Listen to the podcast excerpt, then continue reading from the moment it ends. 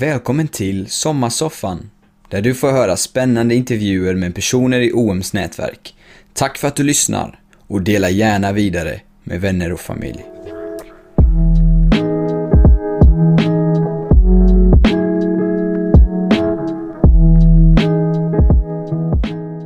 Då hälsar vi er varmt välkomna till Sommarsoffan. Varje måndagskväll under sommaren så bjuder vi på intressanta intervjuer online med spännande människor i vårt nätverk. Jag heter Magdalena och ikväll ska vi få träffa Bertil och Gunnel Engqvist. De här programmen sänds genom Zoom och live på OM Sveriges Facebook-sida. Och på Facebook kan du också se intervjun i efterhand. Eller så kan du lyssna på den via vår Spotify-kanal. Så det finns möjligheter att följa med också efteråt. Ni får gärna kommentera med frågor eller andra eh, kommentarer i chatten här på Zoom eller på Facebook. Och är det så att du gillar intervjun och tycker det är spännande så dela gärna vidare med dina vänner och familj så är vi fler som får ta del av vad Gud har gjort och vad Gud gör i vår värld. OM är ju en missionsorganisation och vårt uppdrag är att se levande gemenskaper av efterföljare till Jesus bland de minst nådda. Och som del av vårt uppdrag så vill vi utrusta och vi vill inspirera till ett missionellt lärjungaskap för alla troende. Och vi vill att, att lågan för mission ska få hållas brinnande. Och vad är då bättre än att lyssna till vad Gud redan har gjort och vad han håller på att göra? Ikväll så ska vi få lyssna till Bertil och Gunnel Engqvist. De har varit överlåtna till Jesus sedan mitten på 60-talet. Och sedan dess så har de varit ostoppbara pionjärer. Och det har tagit dem till platser över hela världen och det har gett dem otrolig erfarenhet och en massa häftiga berättelser. Varmt välkomna hit Bertil och Gunnel! Tack så mycket! Jätteroligt att få vara er här! Och vi, vi hoppar in rätt in. För så här är det ju att många missionärer träffar ju sin livspartner på missionsfältet. Eller åtminstone strax innan de kommer till missionsfältet. Men när ni träffades och blev tillsammans någonstans i 20-årsåldern, då fanns inte ett liv i mission på radarn för någon av er, eller hur? Bertil, du var inte ens kristen tror jag. Nej, det stämmer. Vad, vad, var det som, vad var det som hände? För nu har ni ju varit gifta i snart 55 år och ni har levt i ett, ett liv i mission i snart 60 år. Mm. Någonting måste ha hänt. Kan ni inte berätta lite? Hur började det? Ja, det, det började... Vi, vi träffades på Konstfack och vi skulle ju bli konstnärer. Och skulle, vi skulle introducera varandra till eh, konsten. Och det hände ju jättemycket inom konsten i Stockholm och runt om i världen precis just då också. Mm. Som fortfarande har ringar på vattnet. Och eh, jag... Eh, eh, när vi hade slutat, vi började sällskap sista året, men vi hade varit kompisar eh, hela tiden. Och eh, så slutade vi och jag skulle mm. åka på en resa till, eh, med min syster. Jag hade tagit körkort och allt. Och så fick jag ett telefonnummer dagen innan jag skulle åka. Jag visste inte vad det var, men när jag kom fram till Rotterdam så ringde jag det telefonnumret och kom rakt in i en jättekonferens med folk från hela Europa som skulle ut och evangelisera. Och jag var så chockad. För jag tänkte så här, de här människorna, liksom, när de bad så mm. trodde de att Gud skulle svara på bön. Och när de läste Bibeln så fick de någonting där. Och de var entusiastiska över vad som stod i Guds ord. Och de fick se bönens svar och jag tänkte, så här ska det vara att vara kristen. Så här vill jag att det ska vara. Eller så kan det lika gärna vara. Mm. Jag hade ju växt upp i en församling lite grann men där talade man inte så mycket om det. Det var mest att man tände ljus och, och var stilla. Och det var en OM-konferens du hade hamnat på, var det så? Ja, och det var bara ungdomar, nästan bara ungdomar som var på den där konferensen. Och en liten kille som såg ut som han var 17. Jag tyckte han hade ett jättebra språk och det var just Fröver. Och jag tänkte det där var ett bra språk. För det var inte så här religiöst, det var liksom normalt som andra människor pratar. Och så åkte jag hem med den här kompisen som hade gett mig telefonnumret sen. Och vi pratade, pratade hela vägen upp till Sverige. Och då förklarade hon för mig att man måste veta vem man står på, man, vilken sida man står på. Om man har en svart och en vit hund, om man ger mat till den ena men inte till den andra och de slåss hela tiden, så vinner ju den hunden som får mest mat. Och då började jag förstå att jag måste ju liksom ta ställning. Vill jag vara för eller emot på, på Guds rike? Mm. Så det betyder jättemycket för mig. Men det blev också en svår tid för dig. Ja, och sen skulle jag träffa Bertil. Jag ville inte träffa honom. För jag tänkte, nej, hur ska det här går aldrig. Det här funkar inte. Han förstod ingenting och svor som en borstbindare gjorde han också faktiskt. Men eh, han gjorde lumpen i, i, Mm. i Sverige. Men vi missade varandra hela tiden. Men till slut då så träffade vi oss, i alla fall varandra. Och så jag och en annan kompis och några andra, vi började starta med bibelstudier på eh, Slaviska missionen. För Ingmar Martinsson hade öppnat upp, för det Mm. fanns knappt ett bibelstudium i hela Stockholm. Ljus i öster heter de nu. Ja, Mm. och, och eh, då började vi gå, så brukar vi be. Och både hon och jag, vi bad för våra pojkvänner för de var inte frälsta. Men det blev de. På samma gång nästan. Ja, faktiskt. Det var, det var helt enormt. Vi skulle göra en resa och presentera OM där nere i Göteborg. Och ehm, vi åkte bil och det var en märklig resa. Vi sjöng och vi bad och vi läste Bibeln. Och det var skönt att bara komma bort från alltihop och tänka på något annat. Tack. Något annat alltså än mig då. Och då fick vi eh, en bok på den där eh, konferensen vi var. Och den boken, den började jag läsa i, men ja, Bertil var långt borta. Men jag sa, du kan väl ta den här boken med dig ut till eh, Berga där du låg, han låg i lumpen och läsa boken. Och det gjorde han, tog med sig den där boken. Och sen nästa dag då vi skulle, sen när vi skulle träffas så frågade jag vad han tyckte om boken. Han får ta över här och berätta vad som hände. ja, vad som hände var ju det att jag förstod helt enkelt, för att göra det helt kort bara, så att var det det att eh, det var uppenbart för mig den här boken som jag egentligen aldrig skulle gett till en person som mig. För att den var en klar bok till kristna om missionen och att Jesus skulle komma tillbaka snart. Så jag sa till Gunnel då att liksom, är det här sant?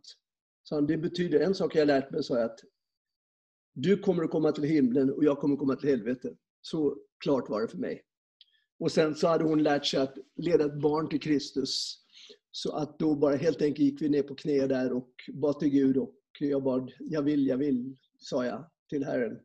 Och vi grät, först grät jag för jag hade som en börda på mina axlar för, för allt jag gjort fel. Jag upplevde att allting jag gjort fel. Men sen så å andra sidan så blev det som glädje, det bara lyfte sig hela den här bördan. Och så tog jag Bibeln faktiskt ur skolbibeln i hyllan, blåste av dammet sådär som på riktigt alltså gjorde vi det. Så gick vi och drack kaffe. Men det var början på resan. Så började det hela. Och sen började vi direkt att försöka förmedla. Jag åkte, brukade åka tunnelbanan och berätta för människor om Jesus. Jag aldrig hade läst Bibeln ens. Liksom. Och de brukar rätt säga, men, ja, men Bibeln säger så, så jag har inte en aning. Så jag visar mig vad det står. Och så. så där började det för mig i alla fall. Och det var en väldigt bra skola. Så. Men inte visste vi vad som skulle hända sen. Det vet ingen. Nej. Sen, sen har ni bott utomlands eh, under egentligen stora delar av ert vuxna liv. För ni gifte er, Mm. ja, och sen, och sen har ni bott eh, utomlands tillsammans med OM. V- Vad är, det ni har, vad är det ni har gjort? Vart har ni bott? Vad har hänt? Bra fråga. Vad, vad som hände var det här att Gud på ett väldigt klart sätt visade oss Ja, det var eh, 68 egentligen, efter också det här med invasionen i Tjeckoslovakien och det grejer här. Vi tänkte liksom att nu, nu, nu händer det. Och folk börjar prata om liksom att oh, Jesus kommer tillbaka, Armageddon och världen förstörs. Redan på den tiden gjorde man det. Okay. Och, eh, men då snackar de så här liksom, och det var det jag reagerade på så våldsamt. De sa så här, Åh, vi måste åka upp i, i, upp i Norrland är det säkert. Jag kommer inte ihåg var man skulle åka någonstans. Och bara prata hela tiden om sin säkerhet. Och för mig var det så starkt. Så, Nej men vänta ett tag, vi är ju frälsta. Vi har vårt det Vad händer med folket där borta då? De som inte har hört evangelium. Och det gjorde att vi, på den tiden var det så med OM, liksom man bara packade och åkte i stort sett. Och det var väl det som hände med oss. Vi hade ju två... Ja, man visste att Gud skulle förse med allt vad man behövde och det gjorde han. Ja, två små barn hade vi då och drog iväg till Mellanöstern. Och den resan ut var ju ett spektakel, om jag kan ta en minut bara säga någonting om den. För att i stort sett så, jag kommer ihåg när, när Gud har visat så klart oss att vi skulle till, till Libanon, till Beirut. Alltså det är rent otroligt sätt han ledde oss. Och så vi packade den här folkvagnsbussen full. Vi hade litteratur, var på konferensen, packade med litteratur. Vi var Gunnel, jag, våra två små barn som var under två och ett år gamla. Och vi hade eh, två tjejer som skulle ner till Mellanöstern också.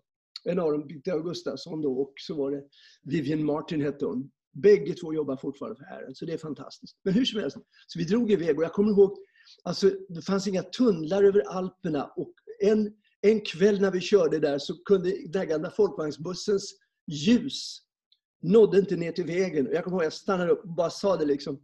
Nu vill jag vakna upp liksom. Jag vill vakna i min säng hemma. För jag fick gå ur bilen, dra åt handbroms, lägga i växeln och gå ut och titta vart gick vägen någonstans. Men det gick bra. Vi kom fram. Resan gick bra tills vi kom till Bulgarien. Då hade vi en väldig nöd. Vi hade kontakten då med Ljus i öster som de heter idag och visste om de här behoven. Så när vi åkte förbi jag tänkte jag, wow, allt det här folket utan evangelium. Och vi hade en del traktater på bulgariska också. Så de slängde vi ut genom fönstret när vi såg folkmängder. Tills det var några som stoppade oss då. Och det var polisen där. Så det var vår första arrest så att säga i, i den här stilen. Dumdristigt men det var en fantastisk erfarenhet. Och Birgitta påminner oss just om att när vi var där under husarresten och tog alla vår litteratur, det var förhör. Gunnel stod och vred ut blöjorna på barnen, liksom för att, vi hade tygblöjor. Och eh, vi har checkat adresser, alla adresser hade, checkar man upp dem så man inte spolar ner på toan. Och sen så var det ju det i alla fall att här var vi i, i de här förhören. Och så påminner Birgitta att hon satt där med barnen och tittade, pekade på Lenin och Stalin mm. som fanns bilder på. Och så sjöng de Jesus älskar oss var och en, liten och stor, liten och stor. Ja, ja. Ja älskar Lenin, älskar Hur som helst, det var vår början. Sen åkte vi till Mellanöstern, som sagt var, vi kom iväg i, över Turkiet där de sålde droger på vägen till färjan, det fanns inga broar. Vi kom över dit, kom in i Syrien, skulle in, skulle in i Syrien. Men Vivian, hon amerikanska, hon fick inte åka igenom Syrien. Så henne fick vi på ett fantastiskt sätt igen kommit i kontakt med en ar armébas, eller en, en, amerikansk bas. Och det var någon som tog hand om henne. Vi körde vidare ner till Beirut och skulle komma fram till den här adressen. Alltså det är ju inte riktigt klokt. Allt vi hade var en, att det var en alleyway vid Abdelaziz, gatan i Beirut. Det var adressen vi hade. Det var allt vi hade. Förutom en sån här Seven Star-karta som var ungefär så här stor. Det var vi körde. Vi körde på huvudstäderna. Hur som helst, vi kom fram dit och jag, jag visste inte vad det var alleyway. Jag tänkte allé, det måste finnas en allé här någonstans. Vi åkte omkring med den här bilen, fram och tillbaka, fram och tillbaka. Tills jag fick reda på att det betyder återvändsgränd. Så det fanns ju en återvändsgränd, vi körde förbi hela tiden. Så då åkte vi in där. Och så började vi jobba med studenter, framförallt i Beirut. Och eh, från Saudi och alla möjliga länder. Vi bodde med sju stycken araber som med samma sa till mig, du ska koka arabisk mat. Jag sa, hur? Och ta reda på det, sa jag bara. Han var väldigt, vi kunde inte språket heller tyvärr. Så. Men vi lärde oss engelska. Det gjorde vi faktiskt. Och arabiska. Vi faktiskt lärde ja. oss lite arabiska också. Inte jag. Sen trodde vi skulle hemåt. Ja, den här tiden, egentligen var det så här, vi skulle åka ut på ett år sa vi, för jag hade fått en tjänst på folkhögskolan i Hemse på Gotland som bildlärare. Och eh, rektorn sa det, det är okej, okay, jag är borta ett år. Han skulle ta mig nästa år istället. Men så skrev jag till honom och sa det att vi, vi måste stanna vidare här nere. Och faktum är vi grät då. Bägge två. Vi ville, ville egentligen hem. Men då så visade Gud oss lite Jordanien. Det var fantastiskt det var ju krig och grejer där nere också, så det var inte så konstigt liksom att man tyckte det var lite jobbigt. Men det var fantastiskt. Det är många eh, ungdomar vi jobbar ibland där nere i Jordanien. Var med också. Vi undervisar förresten, hela tiden har vi gjort det. Både där nere och de andra platserna har vi hela tiden haft levande vår, vårt konstintresse. Vi undervisade folk, vi fick inte pengar. Vi hade liksom inget understöd där. Det var ju sekundärt. Liksom. Det var inte sånt man tänkte på. Ja, gick från att eh, tvätta för hand för man inte hade tvättmaskin till att den kom och hämtade en i limousin och åka till något palats och undervisa någon rik tjej. det var spännande. Och eh, jag var med och startade med Konstakademin i Jordanien. Hur som helst, det ledde till också, det var ju klart, det hände ju grejer. Till exempel, de kom ju och snodde vår bil en gång. Eh, och jag skulle hämta, de, grannen sa de tar eran bil. Varannan folkvagnsbuss sprang upp där för kullarna och skulle stoppa den här bilen så jag fick syn på k-pisterna sticka ut genom AK 47 sticka ut genom rutorna. Jag tänkte, ah, de får väl låna bilen ett tag då. Men det var okej, okay. den var full med evangelier så jag hoppas det kom till användning. Men eh, jag hade mycket kontakt med de palestinska ungdomarna där på olika läger vi åkte omkring. Letade efter bilen på såna här, uh, bilar med anti-aircraft guns på. Sådär. Det var spännande. Det gick bra, Ja, det gjorde det. Vi, vi överlevde men vi fick sluta med att vi fick fly. Och så vi uh, åkte till Beirut. Ja, först till Beirut. Sen faktiskt efter Beiruts sommarkampanj så var vi hemma i Sverige ett tag och var med där och så jobbade med Proklama och ledde när Hans Rutström då, som var ledare åkte ut med eh, för Indien också, hade vi hand om svenska OM ett tag. Startade en massa projekt i Sverige. Snörvisionen tillsammans med Gustafsson, Lars-Göran framför allt. Och Visionären och lite av varje. Men vi upplevde ändå att vi skulle åka vidare så vi åkte till Egypten sen. Skulle... Men det var ju ett par kompisar som skulle på bröllop i Libanon. Så, ja, så, så, så, var det. Mm. så sa de så här, vi, vi, skulle gå på det här bröllopet men vi tror att de blir mycket gladare om ni kommer så ni får våra biljetter. Ja, så och så kunde vi åka hela familjen. För det var så här att han som var ledare för arabvärlden, liksom han, eh, han, han eh, ville lämna över arbetet. Han ville lämna över till mig. Och eh, det var ju så det började egentligen. Ja. Och så var det så att vi hyrde en lägenhet där nere. Eller lägenhet. Lägenhet där nere i Beirut. Och, men när det började inbördeskriget där då så blev det ju så att den här blev träffad väldigt tidigt. Så vi kunde inte flytta in där. Sen hade Gunnel en bilolycka förstås också i Sverige och gick med en svår operation. Drog ja. vidare med skeppet Logos. Ja, det märkliga var ju liksom att Gud talade till både Bertil och mig mm. på samma gång. Fast vi inte egentligen nästan pratade med varandra. Va? Att vi skulle åka till Egypten. Ja, vi pratade med varandra. Ja, det, det, kom liksom, det stod i Guds ord, det bara kom. De åkte till Egypten på märkliga vägar. Ja. Och då när Bertil ringde och sa jag tror vi ska åka till Egypten med skeppet Logos, så var jag helt förberedd. Det gör vi. Och det var ju lite konstigt, för anledningen att vi egentligen kom iväg var att vi hade öppnat en svensk skola i Beirut och barnen skulle gå i den där svenska skolan. Men hela Libanon föll ihop alltihopa och vi hamnade i Alexandria. Och det var bara ett Guds under. Vi fick faktiskt våra, att barnen fick börja på amerikanska skolan i, i Alexandria. Och vi, Mot att vi undervisade? Och vi arbetade också där som gjorde att vi fick nästan gratis undervisning och, och hjälp med mat och så. Och, eh, det var väldigt spännande. Alltså, jag skulle aldrig sagt att det kan jag göra om jag visste att helt plötsligt Bertil fick gulsot och jag fick ta hela alltet och ta hand om alltihopa.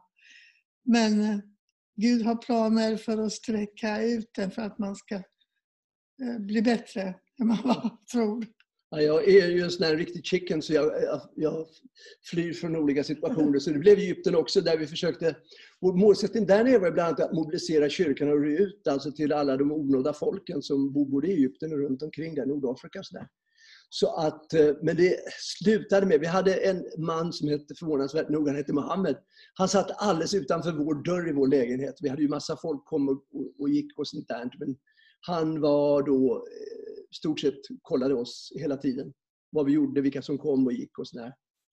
Och sen kom de en dag bara och sa åt mig att de skulle justera vårt visum. Och det tyckte jag var väldigt konstigt, för jag visste det var stängt då nere i Kairo. Vi bodde i Alexandria. Jag skulle köra dit ner. Och det var början på, ett, återigen, ett litet äh, intressant upplevelse. De satt mig helt enkelt i ett väldigt strikt fängelse där nere. El Kanater hette det då. Idag är det ett fängelse, kvin, kvinnofängelse, så jag var väldigt tidig. Men eh, det var inga kvinnor då, på den tiden. Ja, det märkliga var att precis den där dagen så flyttade svenska ambassaden Mm. ut till Samalek, ön som ligger mitt i Kairo och hade ingen telefon. När vi jobbade med Svenska sjömanskyrkan lite grann Lasse Maggan. och sjömanskyrkprästen var också konsul. Han hade kontakt med ambassaden men han kunde inte få tag på ambassaden så han kunde försöka få reda på vad Mm. Bertil hade tagit vägen. Han var först orolig att det hade hänt en olycka eller någonting men äh, han ringde till Expressen. Expressen Han, hans kompis var journalist på Expressen. och det kom ut alltihopa. Våra vänner började demonstrera på Stockholms gator. Och, oj, vilket liv det blev. Bertils pappa han bara grät i två, flera veckor. Han tyckte det var så Det hemskt. räcker, ja, ett tag i alla fall. Ja, men eh, det, det var en... en Men hur som helst, det var ju inte bara nyheterna som kom ut. Jag kom ut också. Mycket, eh, och då, då ville de liksom... Ja, ambassaden hade en biljett till Sverige och jag sa vi ska inte till Sverige. Då öppnade jag Bibeln. Och så, fast det, man, här känner man ju till. Va? Men, här liksom, jag tittar på kartan. Så såg jag Cypern låg bra till. Så jag sa vi ska till Cypern. Bara det gick ingen transport dit. Förutom då att ryssarna hade en färja som åkte förbi där. Så de tog våra pick och pack och så åkte vi till Cypern. Ja. Varför inte vi på bet? Ja, det är, det är ett annat problem. Men så vi kom vi till Cypern och vi trodde vi skulle vara där en, en kort tid bara. Men eh, det var idealet för att samordna liksom, arbete i arabvärlden och lite sådär. Och eh, vi blev ju kvar där över 12 år, så vi stannade på Cypern. Och det blev basen sen, för nu, nu liksom jobbar ju lite kors och tvärs hela eh, arabvärlden och lite annat också. Och våra barn gick på engelskola och tog den engelska examen. Just det. Och under hela den här tiden så, så har ju ni lett OMs arbete. Först i det som kallades för arabvärlden och som idag är det som vi kallar för Mellanöstern och Nordafrika. Och som sen växte vidare till Centralasien. Också. Eller hur? Ja, vi tog in det i Mellanöstern. Ja, ja men precis. Eh, men sen så är det också, ni har ju varit med och startat väldigt mycket. Ni har, har varit pionjärer på många, många ställen inom OM. Mm. Eh, men vad är det som har drivit er under alla dessa år? Jag vet inte. Ja, men jag tror bara det finns ingen fred utan förlåtelse. Det finns ingen, ingen möjlighet att det ska bli någonting i Mellanöstern som kallas för fred. Utan att man vill förlåta varandra och vilja gå vidare i, i samförstånd.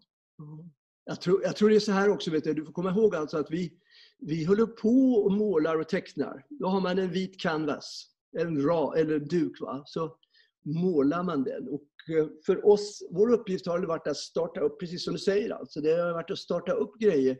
Så vi har sett möjligheten, vi har sett visionen av det här. Här är ju ingen som gör något. Förstår du vad jag menar? Va? Då, då gör vi det då. Det är Liksom, det är ju det som är så fantastiskt. Gud, alltså, det är ju Guds kraft och vishet som ska fram och kunskap. Så att vad vi har egentligen, och det var ju så vi åkte ut i början också. Vi sa att vi har våra liv, det är allt vi har. Vi har inga kunskaper annars. Det låter taskigt, men ändå. Eh, så vi, liksom, vi bara ställer oss till förfogande. Och så har Gud lett så liksom att vi har fått vara med och skapa nytt igen. Precis som vi lär oss på Konstfack att skapa saker och ting. Så att när vi var på, mellan, i, på Cypern och jobbade med, här med arabvärlden och eh, Israel, Turkiet, Iran. Så där, då liksom fortsatte arbetet och vi såg ju, då hade vi en vision, återigen tror jag det går tillbaka till de här rötterna till ljus i öster som var i före detta Sovjet. För där hade vi hela den här kollapsen utav Sovjetunionen 91. Och det innebar att hux flux nu så var Centralasien med sina kanske 60 miljoner och så muslimer vad det var på den tiden i de här östra delarna utav Sovjetunionen. Så de var mycket långt fram i våra pannben, till den grad till och med. Jag tänker på det en gång när Gunnel kom och frågade mig så här, vad vill du ha till frukost? Så sa jag till henne, ge mig Tadzjikistan, så liksom för att det, vi levde i det här att de här folken måste ju också höra evangelium. Och så visste vi också att de pratade turkiska språk och vi Precis. hade börjat lära oss turkiska. För vi flyttade från Cypern till Turkiet. Och det gjorde vi just för centralasiatiska folken. Vi, vi liksom blev involverade i ett arbete där uppe också. Och OM-teamen där var ju stora alltså. Nu var ju, i och för sig, nu blev jag ansvarig för OM Mellanöstern som gick alltså från, från nordvästkina ner till Marocko om man säger så. Från Kazakstan ner till eh, Sudan, södra Sudan, Sydsudan. Så att det var ju ett våldsamt stort område. Magda, du förstår att det är så, så mycket. Mm. Det är så mycket som man, man tänker på. Så här. Det är ju i alla fall väldigt många år nu. Men det finns vissa saker som inte går bort ifrån. Just när det gäller Mercy. Jag var i norra Irak. Kom fram en arabisk familj bland kurderna. kom med barn. Låg där i, i hennes famn och sa, ryckte i mig så här, ryckte i min rock hela tiden och sa Doktor, doktor, hjälp vår son, hjälp vår son.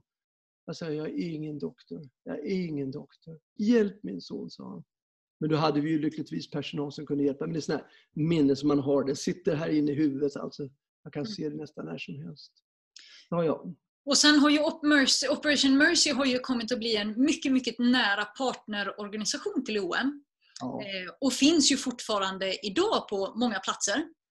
Det är därför vi finns i Örebro. Ja, precis. Och ni ledde ju parallellt både OMs arbete i, i arabvärlden och Centralasien och, och i hela den delen samtidigt som ni ledde Operation Mercy. Ja. Eh, egentligen ända fram till er pension eller pensionsålder. Eller något men, Ja, men precis. Ni lämnade över ledarskapet 2009 för eh, Operation Mercy. Eh, och sen kan man ju tänka att ni skulle gått i pension då. Eh, ja. Men, men det blev inte riktigt så. Alltså vad som hände var att 2007 så sa jag till dem egentligen att nu vill jag sluta. För att då hade jag redan börjat uh, och var mycket intresserad av Somalia. Och då tänkte jag sluta med det och ungefär vid den tiden också, 2007, så hade det, låg en väldig börda för oss. Alltså. För vi funderade på vad ska vi göra nu då? Liksom? Det är ju det man gör. Och då tyckte Gunnel och jag, så här, nu har vi hållit på så här så länge. Var, var någonstans säger folk att det är jobbigt och sådär? Och alla, vilket land man än pratar med om folkgrupper, så sa de somalierna, eh, de är inte integrerade och sådär. Men eh, det är intressant, eh, så då, och, och, det hade vi ett intresse av redan den tiden alltså, medan jag fortfarande var ledare för Operation Mercy i alla fall. För jag hade gett över då eh, Väst och Centralasien som man säger idag och Nordafrika och Mellanöstern hade vi gett över redan tidigare till andra. Och eh, men då sa de på kontoret att det är en somalier som vill ha tag på dig. På alltså Operation Mercy-kontoret. Ja, så jag. Är han okej? Okay, liksom så liksom Han är här i Örebro, han vill träffa Örebro. Så jag, okej. Okay. Han är kristen? Nej, så jag, det är han inte. Visst ja, det kan han inte vara. Han de insisterade och han ringde. Han uh, skickade ja, han, ringde, han skickade e-mail. Till sist sa jag, jag ju, nu måste jag träffa den här människan. För jag trodde kanske det var någon som ville spionera ut på oss lite grann, för det hade hänt med andra folkgrupper. Okej, okay, tänkte jag, då ska jag träffa honom. Så hittade jag på internet så hittade jag en jättefin sida som hette så här eh, Somalia för Jesus, ungefär som jag förstod att den hette. Så jag tryckte ut den i fyrfärg, vilket för mig som en gammal OM-are, svartvitt räcker. Va? Men det var i alla fall något märkvärdigt. Jag la den till och med i en sån här plastficka och stoppade den innanför min jacka. Och så bestämde jag att träffa honom på neutral plats. Jag ville inte han skulle komma till kontoret. Så träffade jag honom och så pratade jag lite grann och så förstod jag det. Okej, okay, han hade, var verkligen en frälst kille. Så att, eh, vad kul tänkte jag. Då, jag ska visa honom i alla fall. För då hade jag tänkt så här ursprungligen att är han inte frälst så är det bra att han får den här hemsidan. Men är han frälst så blir han säkert uppmuntrad. Och han gav den här och han sa wow, sa han, liksom, var har du fått tag på den här då? Och jag kände jättestolt. Alltså. Jag tänkte det här har du gjort bra Bertil. Tills jag frågade vad var det som gjorde överraskade sa, det här är min hemsida, sa han. Mm. känner man sig ganska blåst alltså. Så att, eh, men det var det. Och så Faisal då och jag började jobba ihop redan faktiskt då. Och startade med eh, försöka över internet kontakta kristna runt om eller sökte först evangelisera över något som heter Paltalk. Och det var redan en annan syster, en, en eh, engelsk en tjej som bodde i England, som gjorde det. Och det festliga är det här också, att i hela det här sammanhanget så blev det så att vi Faisal satte upp en stor karta, för vi upptäckte att det fanns ju en del troende. Så satte vi små knappar här och var, olika färger, vilka länder de var. Och han sa hela tiden, Faisal, så han sa de måste se somalierna. De tror annars att det bara är utlänningar, kanske eritreaner eller någon som har lärt sig somaliska. För det finns inga, alla säger det, det finns inga kristna somalier. Och det, det Nu sa vi därför vi ska försöka plantera en församling. För jag vet om att Ibra radio, de gjorde ju det i Ryssland. De hade liksom en, en eh, församlingsgrundare över radion. Ja. Ian Pöystedt, eller Pöystedt i alla fall. Ja. Hur som helst. Ölpris. Örpöjs, det kanske var. Och då i alla fall så sa vi det att vi ska, vi ska se det här och Faisal hade det redan på sitt hjärta.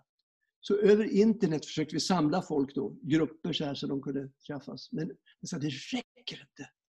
Måste träffas. Då försökte vi sa vi så här, okej, vi ska ordna en konferens. Så bjöd vi in folk, som, och det var inte många, men bjöd in dem som vi fick tag på. Och så, så här kan vi träffas på en konferens, face to face. Och utav det kom tre stycken. Det var Faisal och så var det en från Tyskland och en från Holland.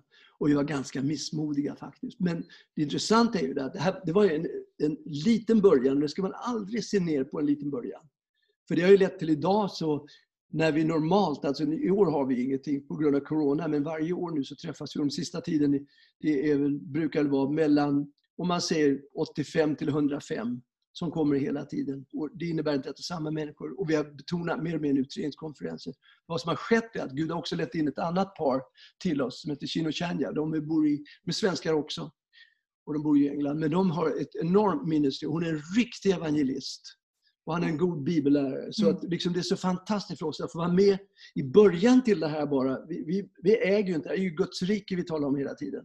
Och det är det att nu ser, nu, de här människorna som de går vidare och, och liksom de, de lär känna Gud och de tjänar Gud och vi får bara vara med här som Vi bak- bara tittar. Vi bara tittar. vi bara tittar på, ja.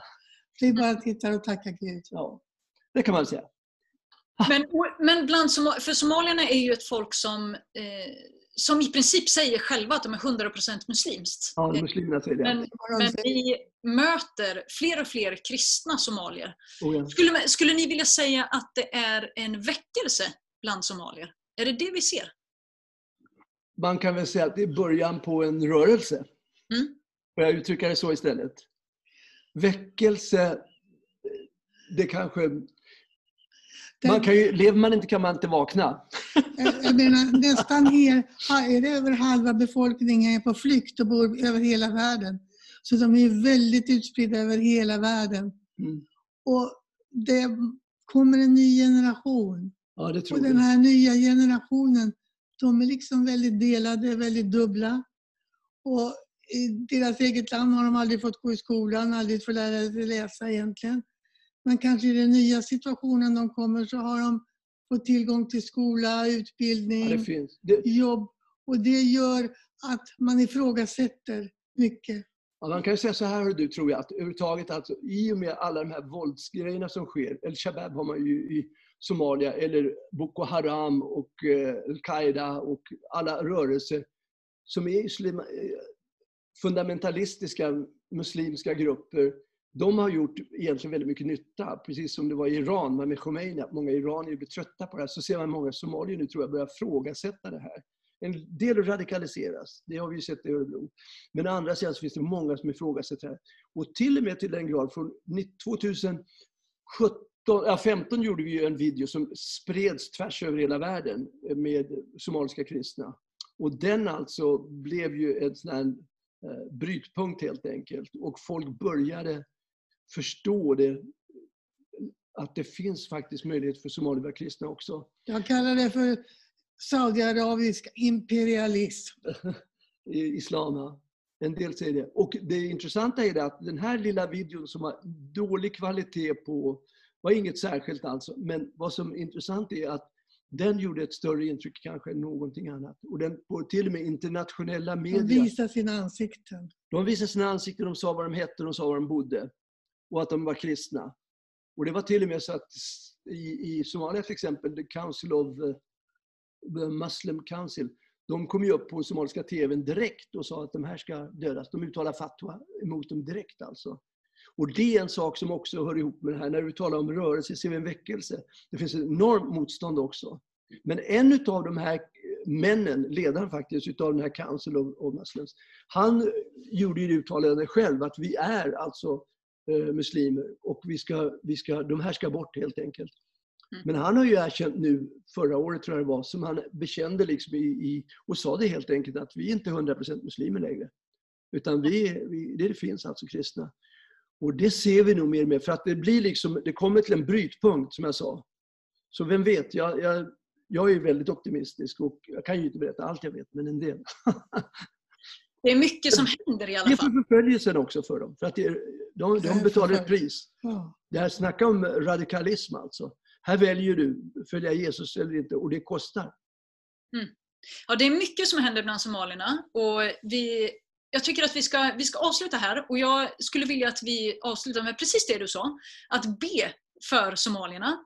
Eh, och också att få be för er som står i ledarskap kring det här.